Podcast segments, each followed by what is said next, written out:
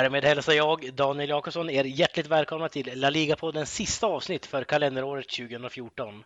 Till skillnad från de andra avsnitten så har vi inte någon gäst med oss denna vecka, utan jag sitter här helt ensam med Oliviers enda supporter, Sam Saidi. Eh, en poäng för ditt kära Barcelona helgen. Kipasa! Sa du Oliguer där eller hörde jag, hörde, hörde jag rätt? Eller ja, nej, det, ja, det är Oliguer. Ja, det, det stämmer nog. Jag är nog en stor supporter av den gamla legenden och mm. han är saknad. Ja, hade du behövt den i helgen här kanske? Ja, nu, nu när Dani Alves är lite ur form och har varit det ett tag så hade det inte skadat med den gamla gode Oliguer där. Nej. Jag gillade väl honom mer utanför planen, han var ju riktigt sköning där. Mm. Eh, nej men absolut, dålig helg. Ingen snack om saken, men alltid kul att vara tillbaka i podden. Absolut, och det är ju den sista, det har du väl längtat efter tänkte jag säga. Ja, med jullov. ja, precis. Um, ja, men i eh, veckans avsnitt så kommer vi att summera det gångna året, eh, alltså året 2014. Eh, vi kommer även att prata om det spanska landslaget och om Europalottningen som gjordes häromdagen. Men först och främst så tänkte jag att vi skulle ägna den första delen till att prata lite grann om det senaste som hänt i veckan. Och jag tänkte att vi ska börja med Real Madrid. Både Barcelona och Atletico Madrid tappar poäng i helgen samtidigt som Real Madrid bortaslog Almeria med 1-4. Det här betyder rent matematiskt att Real Madrid kommer att avsluta året som Liga, La Liga-ledare ehm, för detta kalenderår. Då, oavsett hur matcherna till helgen eh, kommer att sluta. Så min fråga är kort och gott Sam, kommer man att vinna ligan även i maj månad? Uh, Ska man vara så här, uh, lite formell och säga det är för tidigt att säga, men ja, då, jag, jag tror Real Madrid vinner ligan i år. De ser ruskigt starka ut och uh, det, det, ska mycket till om de tappar det här. Och, eller, jag kan inte se vad, vad som ska kunna gå snett. Det skulle vara eh, skador eller någon riktigt dålig formsvacka de hamnar i senare i vår och det får man ju hoppas på såklart. Men, Ur varje ögon såklart. Ja, precis. Nej, men eh, tittar vi nu så finns det inget som talar för att det här segertåget kommer liksom stanna upp.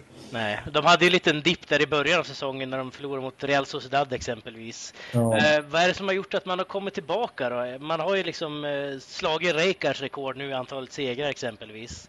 Jag vet inte, är det 18, 17-18 segrar man är uppe i nu eller liknande? Vad, vad, vad är det som gör det här laget så starkt jämfört med exempelvis förra året? Jag skulle säga att det är mer komplett i år på något vis. Eh, och, och det, det beror väldigt mycket på Tony Kroos, eh, när, eller, an, eh, när han anlände till Madridklubben som jag i början var skeptisk till. Att jag tänkte att Xabi Alonso, att det kommer bli tufft att fylla det tomrummet. Men jag tycker Tony Kroos har, ja, han har motbevisat mig helt och hållet och han har gett en ny dimension i Real Madrids spel. Eh, det finns en helt annan trygghet med bollen när man är bollförande lag jämfört med förra året exempelvis när man faktiskt var eh, hade problem med lag som faktiskt bjöd upp till dans. Jag kommer tänka tänka på Dortmund-matchen och man hade ju problem med Barcelona flera gånger till och med som inte var på topp riktigt. Och man har haft problem att föra matcher och det, den biten har man utvecklat. Mm, precis, vi, jag ställer mig också väldigt tveksam till det, Tony Kroos. Vi vet ju att det är en bra spelare, det visste vi redan innan säsongen, men vi tänkte mycket det här, jag är en stor älskare av, eller förtjust av, om man säger så, av Xabi Alonso. Så att det var liksom, eh, jag ställer mig också, precis som du sa, väldigt tveksam till den där värvningen från början, men ja, det kan man ju lyssna på de tidiga podcasten också, hur vi, hur ja. vi lät då. Fast jag, jag hyllade ju Tony Kroos. Jag tänkte aldrig att han skulle eh, axla Xabi Alonso. Alltså när de värvade honom i somras tänkte jag att han kommer inte axla Xabi Alonso. Så han, han är ju ingen pivotspelare riktigt. Nej, utan, eh, han känns inte som en balansspelare. Utan i Tyskland och i Bayern har han ju varit den här offensiva spetsen och man har ju tagit nytta av hans fantastiska distansskott.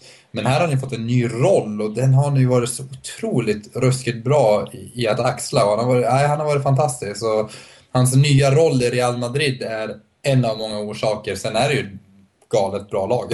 Ja, precis. Man får inte bortse heller från 25 Nej. ligamål efter 15 ligamatcher av en viss Cristiano Ronaldo. Nej. Medan sånt skrattar man ju inte bort i första andetaget direkt. Och sen har vi James Rodriguez som faktiskt i, gått in och gjort det jättebra tycker jag på um, Angel Di Marias plats här nu. Ja, och så har vi Isco som har tagit stora kliv och varit en av de bättre spelarna i hela hösten mm i Real Madrid. Och Bale har väl kanske inte varit han har spelat okej okay, och där finns ju ett sparkapital att hämta känns som att han kommer... Han har mer att liksom leverera känns som. Vi vet ju vad han är kapabel till. Han var ju väldigt bra i fjolåret. Precis, var ju väldigt viktigt slut där också. Men de har, det är som du säger, de har blivit som en maskin snarare än individuella prestationer som det var mycket förra året, tänker jag på. Precis. Eh, men om vi tar ett steg bort från Real Madrid då. Nere i botten ser vi att eh, Almeria, som man nu slog med 4-1, har bytt manager. Eh, eller bytte bytte, han fick sparken snarare. Almerias Francisco. Ersättare blir Juan Ignacio Martinez, den gamla Levante-managern. Var det här ett bra beslut av Almeria, tycker du? Uh, ja, det har inte gått som... Ja, det har väl gått som jag hade tänkt i alla fall. Mm. Man ligger i botten, men styrelsen hade väl hoppats på något annat. Uh, jag tror att man behöver en, alltså en, förny, en ny start och jag tycker det här blir en intressant uh, värvning. Jag kommer ihåg framförallt hans jobb med Levante där, var det 2011 2013? Mm. Han gjorde det riktigt bra. Jag kommer ihåg, han slog till med Real Madrid där och var ett tufft lag att möta verkligen. Ja, de körde väldigt många rutinerade ligor. Vi har Bajstero såklart som ja. alla kommer ihåg när han sprang ikapp och förbi Ronaldo till och med. Just det. Ja. Och så hade vi en Bakero i stor form då också. Ja, just det. Gamle Bakero som jag brukar säga. Ja, precis. Det var väl någonting som K-Mark sa för väldigt länge sedan. Ja, precis. Nej, men eh, det blir nog intressant. Han hade ju inte så lyckad session nu i i Valladolid eh, fick ju gå ganska omgående i slutändan men eh, jag har inte så mycket koll på vad som hände där. Eller hur det har gått för Valladolid. Men eh, ja, vi får se vad han kan göra med Almeria. Kan rädda kvar dem. Precis, och det här beslutet var, togs alltså innan matchen mot Real Madrid. Han var redan sparkad då, Francisco. Ja. Droppen blev någonstans när man förlorade med 5-2 mot Eibar och jag menar det kan man ju någonstans förstå. Samtidigt som Eibar har en väldigt stark säsong å andra sidan.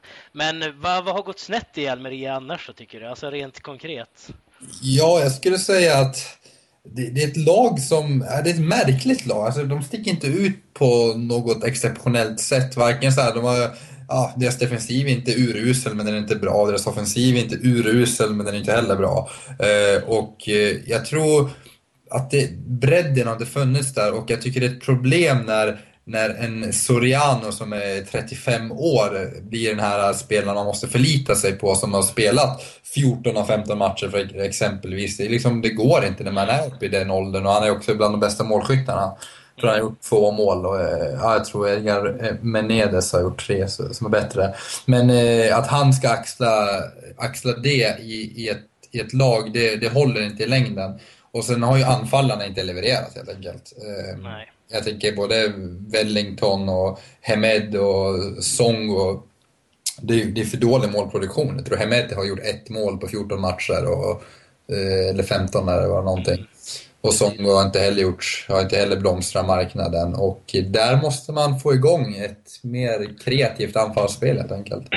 Precis, och så har vi ju TV som var väldigt hypad i Espanyol för några år sedan. Har ju inte alls rosat marknaden heller, sex starter bara. Eh, de har ju haft det väldigt tufft, Almeria, och eh, en stor avsaknad på mittfältet. Du snackar mycket om Soriano här, men man har ju faktiskt tappat Alex Vidal exempelvis, vilket man måste lägga in. Till Sevilla va? Till Sevilla, precis. Och han har ju gjort det okej okay i Sevilla, men han var ju en stöttespelare när jag såg dem förra säsongen, när jag var på live eh, på plats där och såg dem mot eh, Atletico Madrid, när Atletico Madrid förlorade en av sina få matcher förra säsongen. då gjorde man en bra match, Almeria, men eh, ja, jag vet inte. Vad tror du annars då? Kan, kan man hålla sig kvar nu, Almeria, här eller?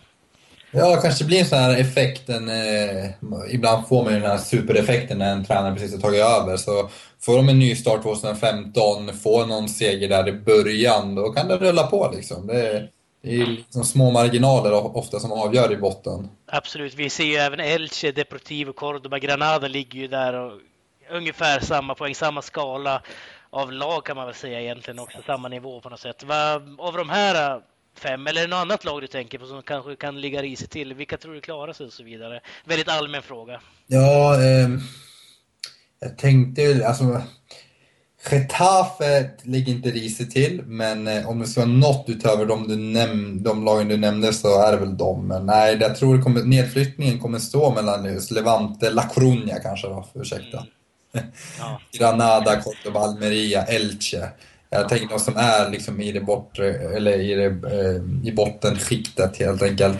De, jag tror även i, jag tror det kommer stå mellan någon av de lagen, eller de tre av de lagen som åker ur. Mm, Eibar då? Nej, jag tror bara, inte att de har säkra kontakter. Man ska vara lite nervös där som en nykomling, men de har spelat så pass bra och de ligger ändå nia, men ja, det skiljer väl ändå bara nio poäng från nedflyttning upp till Eibar. Så att, äh, det, det är tufft att säga. Jag, jag gav ett luddigt svar känner jag. Ja, nej, men det är en väldigt luddig fråga också till att börja med. Men det är, alltså, det är så tajt i den här ligan från Europaplatsen och ner egentligen. Så att det är väldigt svårt att säga om det efter 15 omgångar bara. Ja. Men vi ska faktiskt eh, sätta punkt för del 1 och när vi är tillbaka ska vi snacka lite grann om det gångna året.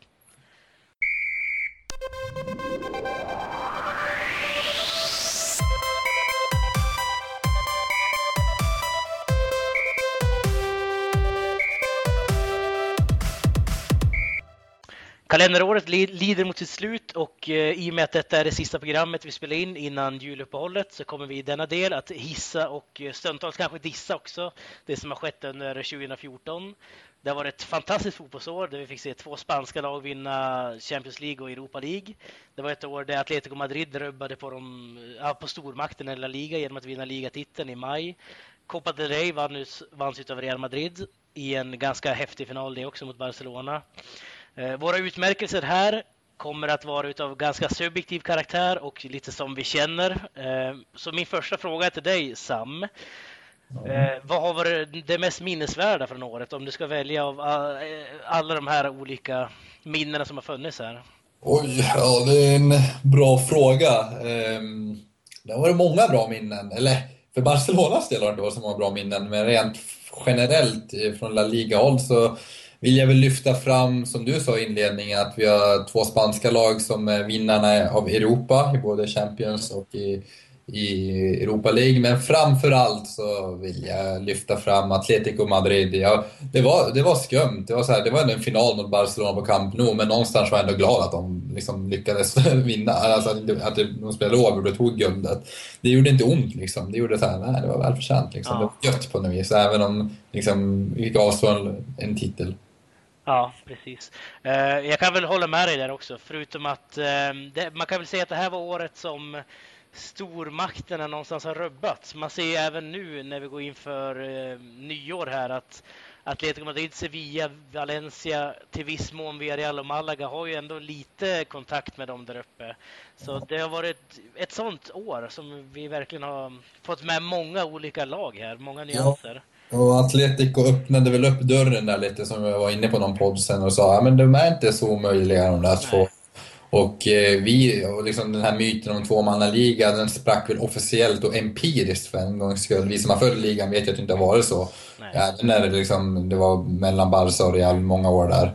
Så vi som har följt ligan vet vilken kvalitet de övriga lagen besitter. Men nu fick vi också liksom någon slags empirisk bevis på att det faktiskt går och att ett annat lag vinner.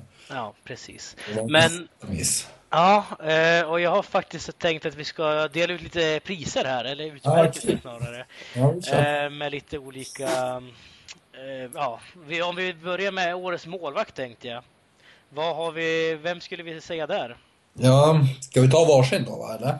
Ja, men säg din först så kör ja. min. Ja, du ska vara tvåa såklart. Nej, nej, men, nej, men eh, ja, det här var... Det är... Grejen är att det är viktigt att poängtera att jag antar att det är kalenderår vi pratar om. Så det är 2014 eh, och alltså från januari tills nu. Så att det är inte liksom förra säsongen, hela hösten där går ju bort. Mm. Eh, och då borde man kanske välja någon annan än den person jag kommer välja med tanke på att det bara blir en eh, alltså en halv säsong. Men jag kommer ändå välja Thibaut Courtois i Atletico, eh, Atletico, Atletico Madrid. Tycker det är överlägset den bästa målvakten i La Liga. Eller var den bästa, han är ju Premier League numera. Mm. Och eh, även om han inte har spelat i La Liga under hösten så, så finns det ingen som har överglänst. Det liksom, finns inga alternativ känns det som. Eh, han är så pass mycket bättre. Eller som, han stod ut, stod ut så pass mycket förra året med sina insatser i Champions League och eh, i ligan så att han var avgörande. Mm. Absolut, jag kan bara hålla med där också. Jag har också valt Courtois som årets målvakt med Keylor Navas inom parentes. Men, men, ett stort men, han har ju bytt Levante mot bänken nu och det drar ju såklart ner hans helhetsbetyg. Ja, men det är ändå någon slags lik, alltså då ställs de lika mot varandra som båda två har en avsaknad av spel i La Liga under hösten.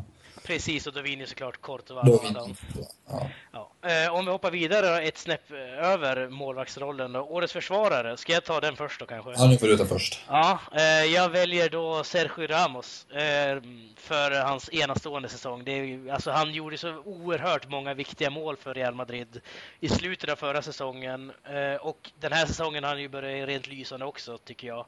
Och enligt mig är han nu världens bästa försvarare faktiskt. Mm. Jag, jag, jag säger så här.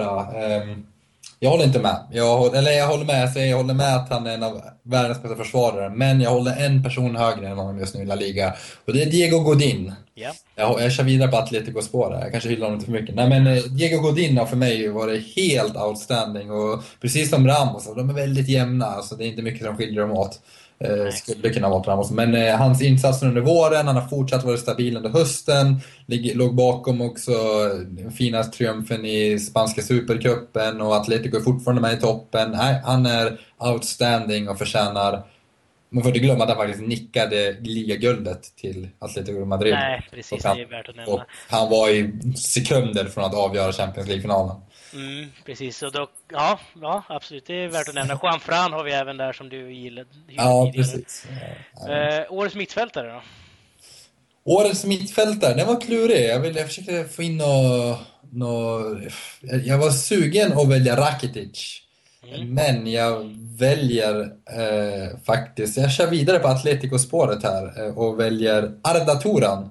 Arda Turan, okej. Okay. Mm. Intressant val. Arda Turan som jag tycker har varit... Han har haft skadebekymmer nu här men de matcherna, eller under hösten, men de matcherna han spelade under hösten har varit fantastiskt som vanligt. Och under våren var han också avgörande skulle jag vilja säga, även om man missade, missade en del viktiga matcher. Mm.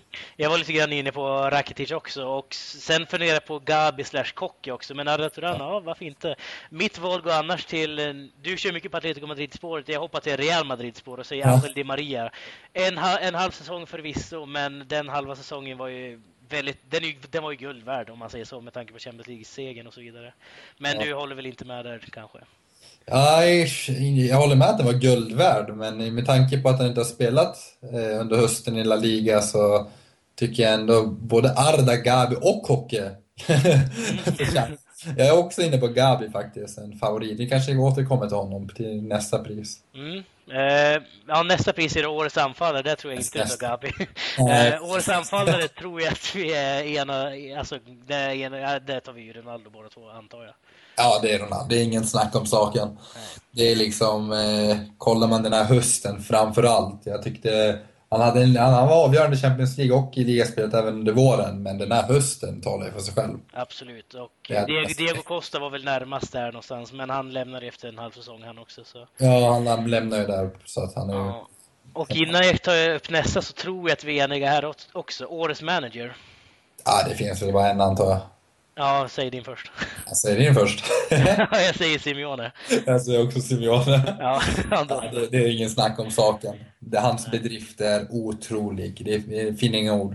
Nej, precis. Och bubblare kan man säga. Ancelotti kanske, jag vet inte om du håller med. Men Unai Emery har jag väl också där någonstans. Ancelotti är definitivt bubblare, men han är så pass erfaren. Alltså, ja, det... Grejen, han vann ju då dubbeln, men jag tycker ändå att Atletico de Madrid, Simeone, har gjort en större bedrift känns som att Ancelotti mer gjorde vad som förväntades av honom. Ja, jag lägger väldigt mycket in till den här hösten också, där Ancelotti har verkligen ja, byggt med sin maskin här. Ja, men det har du en poäng i det nu när du säger faktiskt. Mm. Men vi, vi, vi tar väl Simeone där någonstans ändå. Vi tar Simone, men vi, vi är nog en, alltså en, en parentes i Ancelotti. Mm, precis. Nu hopp... lyssnare. ja, exakt. Nu måste vi hoppa vidare till årets spelare då. Det kanske finaste priset. Vem tar du där? Där tar jag min som jag, jag ville ge det här priset till honom när det kom till mittfältare, men jag sparade det till årets spelare och det är Gabi. Gabi. Eh, en så underskattad spelare. Late bloomer skulle jag vilja säga till och med. Mm. Eh, han, han var ovärderlig för um, Atletico Madrid under våren. Hans insatser var helt avgörande och även nu under hösten. Han, han har haft lite dipp nu på slutet, men, eller några enstaka matcher, men under Supercupen mot Real Madrid, han, han är en stabil eh, innermittfältare som liksom håller balansen på mittfältet. Det sliter som, en, som ett djur på mitten verkligen. Och, ja, nej, Han, han är definitivt 2014, 2014 års spelare. Mm, Ballon d'Or-vinnaren alltså Gavi. ja, Ballon d'Or, ja, skulle man kunna. Man ja. måste inte glömma bort sådana spelare. Liksom. Nej, jag håller, med. jag håller med dig, men jag måste ändå välja Cristiano Ronaldo som årets spelare faktiskt. Med tanke på dels hans höst nu som är fantastisk och så våren där han fick sina titlar ändå. Mm. Um, nu börjar vi få lite dåligt med tid här, så jättesnabbt. Ja, får, vi, får vi välja två? Jag tänkte Ronaldo fick ju årets forward, det var därför jag inte valde Gabi på mittfältare. Okej, okay, ja, jo, men det, det, det, det är okej. Okay. ja. Men eh, årets unga spelare då? Om vi tänker spelare under 21. Årets unga spelare så tycker jag Laporte eh, i Athletic Bilbao förtjänar det priset. Jag, om det inte vore för att Kocke faktiskt fyllde 22 i januari där. Ja, precis. Så att han försvinner, men han får väl en, en parentes där. Men Laporte, kanske Paco Alcacer i Valencia, men eh, jag tycker om vi kollar på 2014, vår och höst nu, så Laporte har varit mer, liksom, han har spelat mer och varit mer jämn helt enkelt. Mm, nej, jag kan bara hålla med dig. Aymeric Laporte ska faktiskt vinna den där tycker jag. Ja. Och närmast, ja, Alcacer möjligtvis då. Kanske, ja. eh, årets mål. Ska jag börja där då? Du kan köra. Enligt mig så är det ju kanske inte det snyggaste målet, men eh, akt det viktigaste skulle jag vilja säga. Sergio Ramos mål i CL-finalen mot Atletico. Vad säger du om den? Ja, det är ju inte det snyggaste. Nej, det var det inte. Nej, år, årets mål, det är en så, definitionsfråga här va? Eh, ja, man får väl tolka det lite som man vill. Ja, jag, tar, jag går på det snyggaste då. Och då tar jag Alexis Sanchez, jag måste få in något Barcelona. okay. Nej, men hans mål mot eh, Atletico Madrid i sista ligamatchen där, det är helt otroligt. Ja, eh, riktigt golazo. Ja, det, det um, målet i sig förtjänar det priset. Mm, ja. eh, vi hoppar vidare i all hast till årets match. Den får du börja. Årets match blir ett El Clasico faktiskt. El Clasico i våras, den här galna matchen mellan Real Madrid och Barcelona som slutade eh, 3-4 va? Eh, som var, nej, men det var bland de sjukaste klassikerna jag sett. Jag vet inte vad som hände. Det var ett skämt ett tag. Liksom. Mm. Ja, det var helt galen faktiskt. Jag minns jag satt på ett torg i Malaga också. Alltså, det var ju liksom Barcelona-supportrar, Real Madrid-supportrar hoppade upp alltså, en efter en liksom. Bara för att det ja, varannan gång. Så, ja, det var ju roligt. Jag såg den i Japan av alla ställen. Så ja, just det. ja, vi var så. på olika delar av i världen här. Ja, nej men den matchen förtjänade det priset.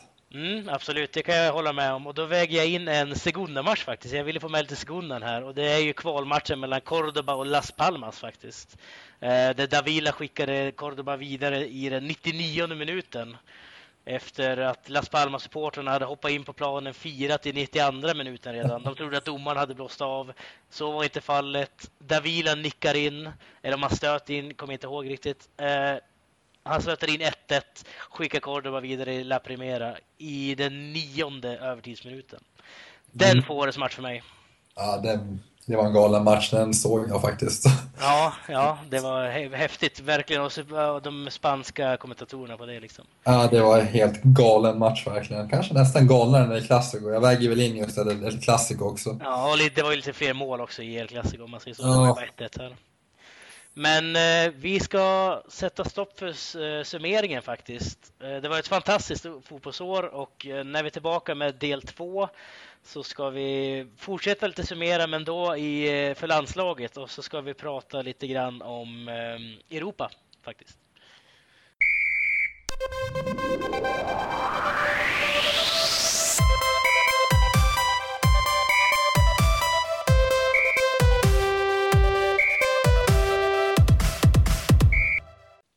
Vi har summerat en del av kalenderåret för La Liga-lagen, eh, men nu tänkte jag att vi skulle börja prata lite grann om det spanska landslagets år i den här delen. Det spanska landslaget gjorde ju totalfiasko i sommarens VM och åkte ju redan ur gruppspelet. Sedan dess har La Selección sadlat om spelat fyra EM-kvalmatcher som slutade med tre segrar och en förlust mot Slovakien som faktiskt du varnade för för ett tag sedan.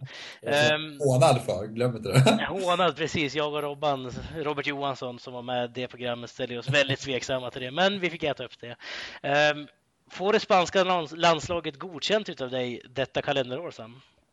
Ah, det, det kan de ju inte få, tyvärr. Det är inte, man kan inte som världsmästare eller kan kan man, det gjorde de ju. Ja. Men eh, det är inte okej okay och det är inte, man, man förtjänar inte godkänt om man åker ut på det sättet man gjorde i, i VM. Eh, det drar ner hela betyget och sen så åkte man på sin första förlust. Så, å andra sidan så får den väl, eh, man får väl ta i, liksom, tänka på att de har en generationsväxling nu så det kanske gör det mer, att man kan förstå det på något vis. Precis, det var väl första kvalförlusten sen man var på Råsunda. Ja, just det. 2007 va? Nej, 2000... Ja, kommer inte ihåg. Det var ju precis innan eh, man börjar sadla upp med segrar här. Ja, det är 2007. Det måste ju ja, stämma nog. Men ja, jag vet inte. Jag kan väl bara hålla med dig. Det är klart det är svårt att ge landslaget godkänt efter det här året med tanke på man kommer ju ändå in som kanske inte favoriter i turneringen för det var väl ändå Tyskland eller Brasilien eller så. Ja. Men man kommer ju ändå in som en potentiell semifinalist i alla fall. Och man åkte ja. ur gruppen redan tidigt skede. Stort stryk mot Holland dessutom. Ja, ja det, var, det gjorde ont att se faktiskt lite. Ja, just Hollandsmatchen tyckte jag var väldigt jobbig att se. Den, eh, jag är ju ingen Barcelona-supporter, men jag minns ju bara för några år sedan när Bayern München vann med 7-0 totalt mot Barca. Då fick jag, det tyckte, jag fick lite ont i magen redan där. Ja. Och det här var ungefär samma känsla faktiskt. Man såg ja. en generation försvinna någonstans. En ja. era ta slut. Det kändes liksom som att spanska landslaget var, när Guardiolas era liksom började, eller när han, när han avgick då från, från FC Barcelona, då kändes det som att det här kommer påverka landslaget också, inte en snack om saken. Liksom, när Barcelona började från 2012 liksom dippa sakta men säkert, då dippade också landslaget. Ja, det, det har ju gått hand i hand det där. Det ja, det har det gjort. Um, men eh, om du skulle vilja, om du skulle vara förbundskapten här nu, skulle du vilja förändra någonting speciellt i landslaget? Skulle du kanske, de har ju gått mycket på Barcelonas sätt att spela tänker jag. Är det något mer Real Madrid-håll man ska vända sig mot nu? Ja, det där är, det är en bra fråga. Kanske faktiskt. Det känns som att eh, liksom när det här spanska landslaget blev så framgångsrikt, då hade man en konflikt där vilket läger man skulle välja. Vi väljer, skulle välja Barcelona-lägret eller Real-lägret. Eh, och så blev det bara någon mellanting av det och det var därför man liksom inte kunde, liksom kom någon vart. Och tänker framförallt på VM 2006. Men det kändes som att Aragonés där bara valde helt enkelt Barcelona-vägen. Liksom, det var den fotbollen som skulle, som skulle spelas. Ja. Och Real Madrid-spelarna bara anpassade sig till det och liksom bara gav en extra dimension till det fina tiki-taka som vi kommer ihåg eh, från Guardiola-eran. Eh, och att man valde liksom Barcelonas filosofi. Men den har ju liksom synats och den liksom är svår att utföra. Alltså det, man kan inte utföra den lika bra längre. Man, de andra lagen har blivit minst lika bra på den. Så att man, de andra lagen har hängt på utvecklingen och till och med utvecklats. Och då kanske det är dags att testa något nytt. Och Real Madrid är ju liksom stormakten i en spansk fotboll skulle jag vilja säga. Eh, så är det ju. Och då um, kanske det är dags att testa en ny väg. Så jag vet inte. Det är en bra fråga. Kanske det. Men eh, om jag skulle vara förbundskapten, som jag skulle vara Del Boss, så skulle jag först avgå. ja, du är ju ingen Del Bosk-supporter. Det kan vi konstatera. Jag har all respekt för vad han har gjort. Han har gjort ett fantastiskt jobb eh, i svenska landslaget. Men den här generationsväxlingen gäller inte bara på planen, den gäller ju överallt. Mm, absolut. Honom också i synnerhet. Men vad tycker du om generationsväxlingen då? Man har ju verkligen eh, gått hårt på den år 2014. Kan, det, kan, kan man kalla det för förnyelseåret kanske för La Selección? Ja, förnyelse, ja, förnyelsehalvår i alla fall. Mm. Tänker, efter VM tänkte du? Ja, efter VM. Då liksom, det, är, det är så svårt att ändra vinnande lag. Liksom. Och det här skulle ha skett innan VM, men man vågar inte göra det såklart. Precis som Barcelona har försökt få ut varenda droppe av Peps era, så har man inte vågat förnya och man har fastnat någonstans. Och nu och, nu det, och det blev ju bayern match någon slags där, eh, jag vet inte, det blev någon slags kvitto på att det är dags att gå vidare. Mm. Och eh, när du väl säger gå vidare så ska vi också gå vidare. Det vi ska prata lite grann om i Europa. Eh, slutspelsmatcherna har nu lottat. Eh, de brukar göra det så här års. Och eh, vi ska kika lite grann på grupp, eller slutspelet tänkte jag. I, vi börjar med Champions League. Där vi ser att eh, Real Madrid lottades mot Schalke 04 till att börja med. Vad tror vi här? Nej, det är inga snack om saken. Real kommer gå vidare enkelt. Ja, du, det blir seger båda matcherna här, tänker vi, eller? Ja, jag tror det. Kanske möjligtvis ett bra bortaresultat, men nej, det blir seger. Ja, vi minns ju, de ställdes mot varandra förra året också och det var ju en ganska komfortabel ja. seger för Real Madrid. En, ja. en drömlottning skulle jag nästan vilja säga att det här var faktiskt. Det var drömlottning, definitivt. Mm, värre blev det för ditt Barcelona då, mot Manchester City. Vad mm. tror vi här? Det är jämnt. Förra året så slog ju Barca ut dem ganska komfortabelt. Eh, men det känns som att City har mer erfarenhet nu. Eh, och Barcelona liksom är fortfarande i någon slags identitetsprocess. Alltså de försöker fortfarande hitta hur de ska spela. Enrique har inte fått ihop det helt. Och, så att eh, av den anledningen tror jag City har större chans i år än förra året. Mm, absolut, det håller jag med dig. Men samtidigt har jag sett väldigt mycket av Manchester City under hösten här och de har väl inte, inte alltså, de har inte varit jätteduktiga om vi säger så på väldigt många saker. Det brister framförallt i försvarsspelet där tycker jag. Där Mangala exempelvis inte har varit den stabilaste försvararen jag sett i Premier League i alla fall. Ja, Devechelis eh, kommer väl säkert spela några matcher där också. Ja, sen, sen, sen tycker jag engelska lag generellt har en tendens jämfört med spanska lag att kunna höja sig i enstaka matcher. Att liksom mm. har till exempel Barcelona eller Atletico, har de haft några dåliga matcher eller haft en dålig säsong, eller som Bilbao nu, hamnar i en formdipp, liksom, då har de svårt att komma ur den. Medan jag kan tycka att många engelska lag, framförallt City eller Chelsea skulle jag vilja lyfta fram i de här frågorna, de har tendens att lyfta sig när det väl kommer till vissa matcher. Att de bara kan lyfta sig för just den här matchen, sen är man tillbaka i träsk igen. Liksom Dortmund just nu. Ja, ja absolut, det kan jag hålla med om. Ja, precis. Ja. Dortmund är ett jättebra exempel. De är i slutspel men ja. ligger på liksom nedflyttning i Bundesliga. Men eh, det får tyska podden ta hand om. Ja. eh, ett annat tyskt lag då, Bayer Leverkusen möter Atletico Madrid. Mm. Vad, vad känner vi här? Det är en intressant match. Jag tror Atletico går vidare. Simone, de har ännu mer rutin nu i finalister från förra året. Så att, eh, nej, det fixar nog Atletico i slutändan. Men det blir lite småtufft borta tror jag. Ja, det var väl för några år sedan hade det varit väldigt svårt att tänka sig Atletico Madrid som storfavoriter i en Champions League ja. eh. Men det är man ju faktiskt nu mot Leverkusen. Jag vet inte hur det går för Leverkusen. Jag har väldigt dålig koll på Bundesliga, men jag vet ju att Atletico Madrid är väl ett bättre lag egentligen. Ja, de bör vara det i alla fall. Ja, det känns Eller vi är lite fördomsfulla mot tyska lag kanske? Ja, kanske är det. Vi har lite för dålig koll på Bundesliga kanske. Och i Europa League så ser vi ett annat Bundesliga-lag som ställs mot Sevilla. Sevilla inleder där mot Borussia Mönchengladbach. Vad tror vi här? Min fördomsfulla sida kör vidare här så att Sevilla kör över dem. Du, kör över till och med? Ja, okej, inte kör över, men de går vidare. Ja, de går vidare. Hård mot tyska lagen. Ja, jag tror att det kan bli ganska tufft här för Sevilla. Vi vet ju att de, det går ju bra för dem i ligan och så vidare och det är frågan hur man kommer kunna eh, dels spela viktiga matcher i ligan och dels eh, prestera i Europa League. Det ska bli intressant att se. Men man är ju regerande mästare, så varför inte liksom? Man är favoriter i alla fall. Man är ju favoriter om man är regerande mästare också. Liksom. Ja. Eh, Torino mot Athletic Club. Athletic Club som åkte ur Champions League-gruppspelet.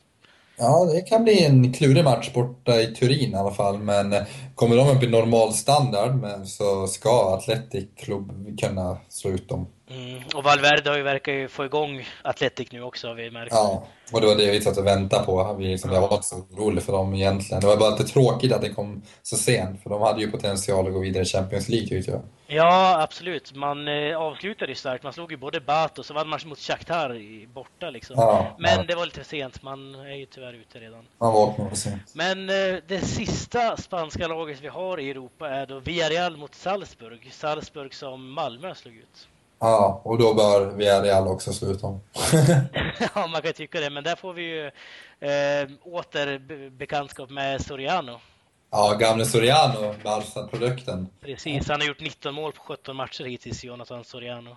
Ja, nej men det är klart, i, när man såg dem mot Malmö i, liksom i Österrike så mm så var det ju en fantastisk fotboll de bjöd på. De kollapsade ju bara sen. Ja, det var ju sjukt att Malmö kunde sluta. Men jag tror också, jag delar din uppfattning att Villarreal bör väl någonstans kunna slå ut Salzburg. Jag börjar tyvärr hemma då, men...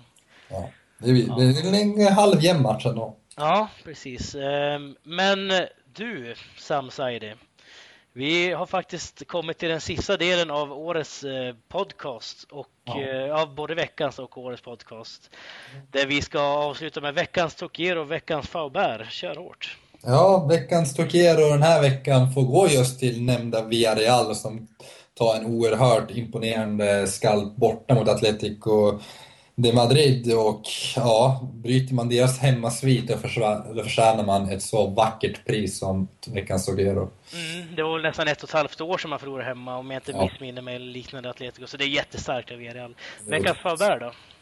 Veckans Faubert, den eh, går faktiskt, ah, det är ont att säga, det är lite hårt kanske, men jag kommer ge den till Luis Suarez målproduktion. Mm. eh, jag säger att liksom, han har inte spelat, det finns förklaringar, ny klubb, men ett lika mål är det vad han har gjort va? Eller? Nej, han har inte gjort något Inte ett enda, nej det är ju Champions League han gjorde det. Ja. Det är liksom, det, han har gjort många, ja, han har gjort många assist däremot i ligan, men han, det är inte bara det. Han har varit småslarvig. Han sliter, han försöker, han överarbetar lite för mycket, men ja, jag kan inte... Han måste tyvärr ta det den, den här veckan. Han får ta det för laget. Ja, precis. Och han får ta ja. årets sista veckans fall ja, dessutom. Förhoppningsvis den sista för alltid. Ja, vi får se efter nyår här om det har förändrats någonting där. Men du, tack så jättemycket för i år Sam. Och vi, ja det var jättekul att köra med dig här nu. Och vi återhörs eh, efter eh, nyår. Ja, då är vi tillbaka med nya gäster antar jag. Jajamän, då sitter vi inte ensamma längre. Då sitter vi inte ensamma. Nej, det, har, det har varit kul. Det har väl varit, ja, känns lyckat. Lyckad höst för, för podden ändå. Ja, verkligen. Och spansk fotboll generellt. Ja, så att eh, vi kör vidare till våren och får önska alla en god, god jul och gott nytt år helt enkelt. Precis, och samma här. God jul och gott nytt år till er alla och eh, jag hoppas ni lyssnar på oss även i januari månad. Tack så mycket för oss. Tack, tack. Hej.